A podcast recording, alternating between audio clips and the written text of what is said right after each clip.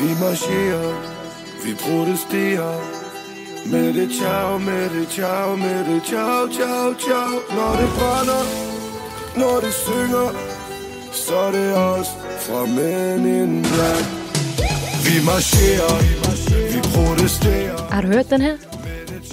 Det er Men in Black Danmarks officielle protestsang. Det er en gruppe, der kalder sig for Danmarks Børn. Og hvis 13.000 følgere på Facebook er enige om, at coronarestriktionerne og håndteringen af pandemien i det hele taget går den gale vej. Lørdag den 23. januar holdt gruppen en demonstration ved Rådhuspladsen i København, hvor omkring 1000 mennesker dukkede op. Vi er samlet for at sige, at vi har fået nok. Som gruppens Mette Chow-sang også garanterede for, så marcherede de, og de protesterede, og så satte de ild til en dukke af Mette Frederiksen.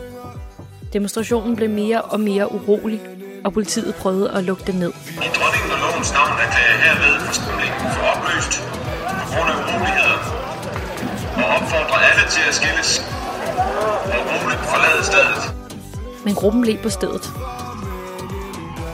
Så politiet trak stave, og demonstranterne begyndte at kaste med flasker og kanonslag, før demonstrationen så endelig blev stoppet. Og det her det er jo ikke engang det eneste eksempel på, at folk herhjemme i Danmark begynder at stride imod de coronarestriktioner, som vi alle sammen skal overholde. Der var kendisturene til Dubai, som du måske har hørt om, hvor flere mennesker trodsede regeringens advarsler for så at tage på solskinsferie i Emiraterne, selvom hele verden er rød lige nu.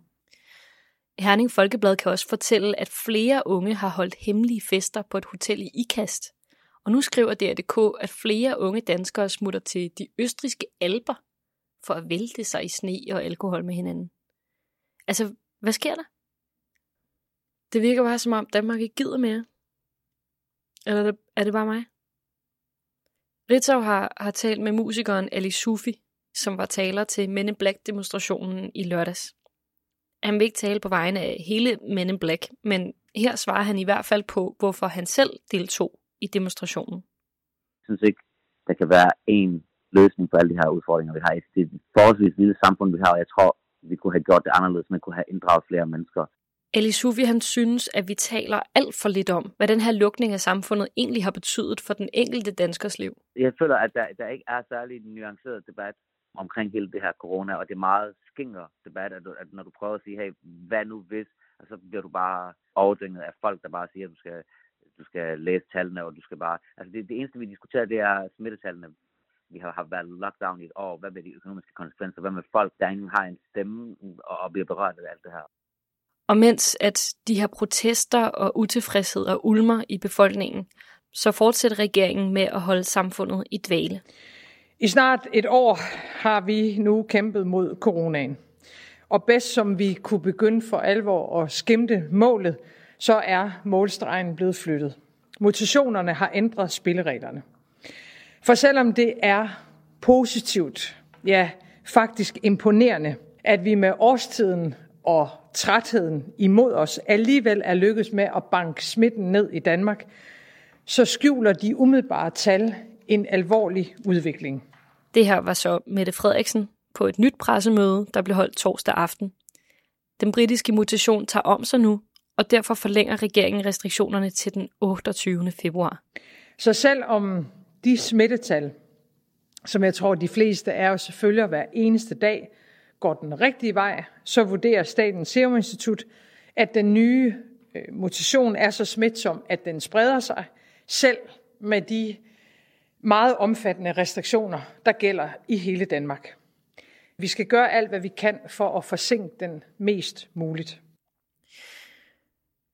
Okay, så faren er altså et godt stykke fra at være drevet over, og imens hører vi om flere og flere sager, også i andre dele af verden, hvor folk stiller spørgsmålstegn ved eller udfordrer den offentlige håndtering af corona. Jeg blev lidt nysgerrig på, hvor alvorlig den her tendens, som vi ser forskellige steder, egentlig er. Og derfor så talte jeg med Marie Fly Lindholdt fra forskningsprojektet HOPE, for at få et par svar på det. Marie, øh, du er med i forskningsprojektet HOPE. Kan du prøve at forklare lidt om, hvad det handler om? Ja, selvfølgelig. Altså, det er et forskningsprojekt, hvor det primære spørgsmål er at undersøge, hvordan demokratier reagerer på den krise, vi står i lige nu. Og det gør vi på flere måder. Vi indsamler mange forskellige typer af data. Og så er jeg selv tilknyttet det team, hvor vi øh, undersøger befolkningens adfærd og holdninger ved at indsamle spørgeskema-data. Og der har vi sådan en daglig kørende i Danmark, hvor vi hver eneste dag spørger 500 danskere, og det er så 500 nye hver dag. Og der spørger vi ind til sådan noget som, øh, er man opmærksom på hygiejne, opmærksom på at holde afstand, og hvor mange kontakter har man i løbet af en dag. Men også nogle mere psykologiske faktorer, som vi også ved har betydning for vores adfærd. Og det er blandt andet sådan noget som, øh, hvor alvorligt opfatter man den situation, vi står i lige nu, og øh, hvordan opfatter man øh, sundhedsrådene. Ved man, hvad man skal gøre, og synes man, de er effektive, og hvilke omkostninger, eller i hvilken grad er der omkostninger forbundet med at følge rådene. Okay, så I dykker blandt andet ned, siger du, i det her med, hvor alvorligt folk tager den her pandemi. Og jeg føler i hvert fald, øh, når jeg læser overskrifter fra forskellige medier for tiden om hemmelige fester og skiture til Østrig og kendisrejserne til Dubai og alle de demonstrationer, der foregår omkring øh, håndtering af corona lige nu, så får jeg sådan lidt følelsen af, at Danmark måske er lidt træt af at acceptere de øh, coronaregler, som regeringen laver. Har du nogen, øh, noget overblik over ud fra jeres data, hvor alvorligt folk egentlig tager den her pandemi for tiden? Ja, altså vi spørger ind til det, vi sådan kalder trusselsfølelse, og det dækker både over, om man selv føler sig udsat, og om man føler, at coronavirus udgør en trussel mod vores samfund. Og siden december, så er den her oplevelse af, at det udgør en trussel mod samfundet, steget markant. Men det vi så også kan se her den sidste uge, det er, at der, der er sket et knæk. Der er sådan en begyndende negativ udvikling i vores opfattelse af, hvor alvorlig situationen er. Og, og hvordan kan det være? Altså, det er, det er et ret godt spørgsmål. Øhm, og når vi så snakker om det her, så er det selvfølgelig også vigtigt at understrege, at trusselsfølelsen fortsat er på et højt niveau.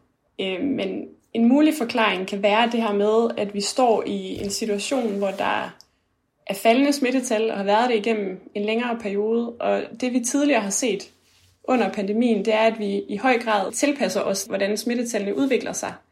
Så når smittetallene falder, så slapper vi også lidt mere af, og vi er ikke lige så bekymrede men vi er samtidig klar til at reagere, når smittetallene stiger igen. Men det, der jo så er lidt specielt i den her situation, det er, at man har skulle kommunikere, at selvom smittetallene falder, og det på den måde faktisk ser fint ud, så er der den her britiske variant, som jo faktisk er grunden til, at vi skal være endnu bedre til at holde fast og agere smitteforebyggende. Og der har vores første analyser faktisk tydet på, at danskerne i høj grad har forstået det her budskab, for vi kunne se, at man blev ved med at være mere opmærksom på, på at holde afstand og have færre kontakter, men det har altså stabiliseret sig, så den, den her udvikling er ikke, er ikke blevet ved. Så det kan måske indikere, at der er sådan en øh, grænse for, hvor meget vi kan blive ved med at holde fast, når vi alligevel kan se, at, at de her tal, som vi har været vant til at følge gennem hele pandemien, jo faktisk ser gode ud. Det understreger i hvert fald, at der kan være et behov for at ligesom fortsætte at understøtte befolkningens motivation til at skulle blive ved med at holde fast Hvordan er opbakningen til regeringen i det hele taget, for, altså lige nu? Altså øh, noget, som, som også er, er lidt interessant, det er, at vi laver også nogle månedlige dataindsamlinger, hvor vi faktisk har kunne se, når vi sammenligner vores måling i december med vores måling i januar, at så har der faktisk været en stigning i opbakningen til, at regeringen fører den nødvendige politik. Og det er jo så i en periode, hvor der er kommet endnu strengere restriktioner. Omkring 60 procent siger, at de i højere grad følger anbefalingerne på grund af de her smitsomme varianter vi ser heller ikke, at, at de her strengere restriktioner fører til en øget bekymring for demokratiske rettigheder, som man måske også ellers kunne frygte. Og vi ser heller ikke, at der sker en stigning i andelen, som føler, at de ikke kan blive ved med at overholde restriktionerne. Så det tyder ikke på, at folk sådan ikke kan holde modet oppe, selvom det jo er ret lang tid, vi efterhånden har, har levet med de her restriktioner. Nå, så øh, holder vi gejsten, eller, eller hvordan ser det ud med det? Ja, Altså optimismen har faktisk været nogenlunde stabil siden øh, november. Vi fortolker det lidt som om, at der er sådan nogle, øh, man kan sige nogle modsatrettede dynamikker, fordi vi er jo i en situation, hvor øh, vaccinerne bliver rullet ud. Så det kunne måske betyde, at man ville forvente, at optimismen ville stige. Men samtidig så er der også de her nye varianter, øh, som måske trækker i den modsatte retning. Så det kan, det kan være det, det, der gør, at vi faktisk ser, at det, det ligger nogenlunde stabilt. Det er egentlig sjovt, fordi hvis man ser lidt tilbage, så var der jo rigtig meget skepsis omkring coronavaccinen. Er, er den bare helt forduftet, eller hvad?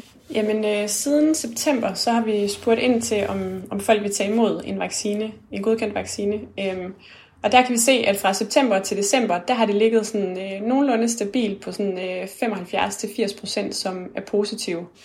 Øhm, og så er der så sket noget ret interessant faktisk fra vores måling i december til vores seneste måling her i midten af januar, hvor det nu er helt op på 87 procent, som siger, de vil tage imod vaccinen. Og det, der især er bemærkelsesværdigt her, det er, at øh, andelen, som siger, at de er helt sikre på, at de vil have vaccinen, den er faktisk steget fra 47,8 procent i december til 71,6 i januar. Og samtidig kan vi så også se, at det vi kan kalde øh, skeptikerne, dem der er helt sikre på, at de ikke vil have vaccinen, der er andelen også faldet fra 6,6 procent til 2,2 procent. Så det tegner overordnet et, et ret positivt billede. Skal du selv have en vaccine? Ja, det skal jeg. Når jeg får tilbuddet. okay. Så selvom vores bekymring for pandemien måske er krømpet en lille smule sammen med det faldende smittetal på det seneste, så synes langt de fleste af os, at regeringen gør, hvad der er nødvendigt for at holde styr på krisen. Vi er måske trods alt stadig mere sammen, hver for sig, end man lige skulle tro. Tak fordi, at du lyttede med.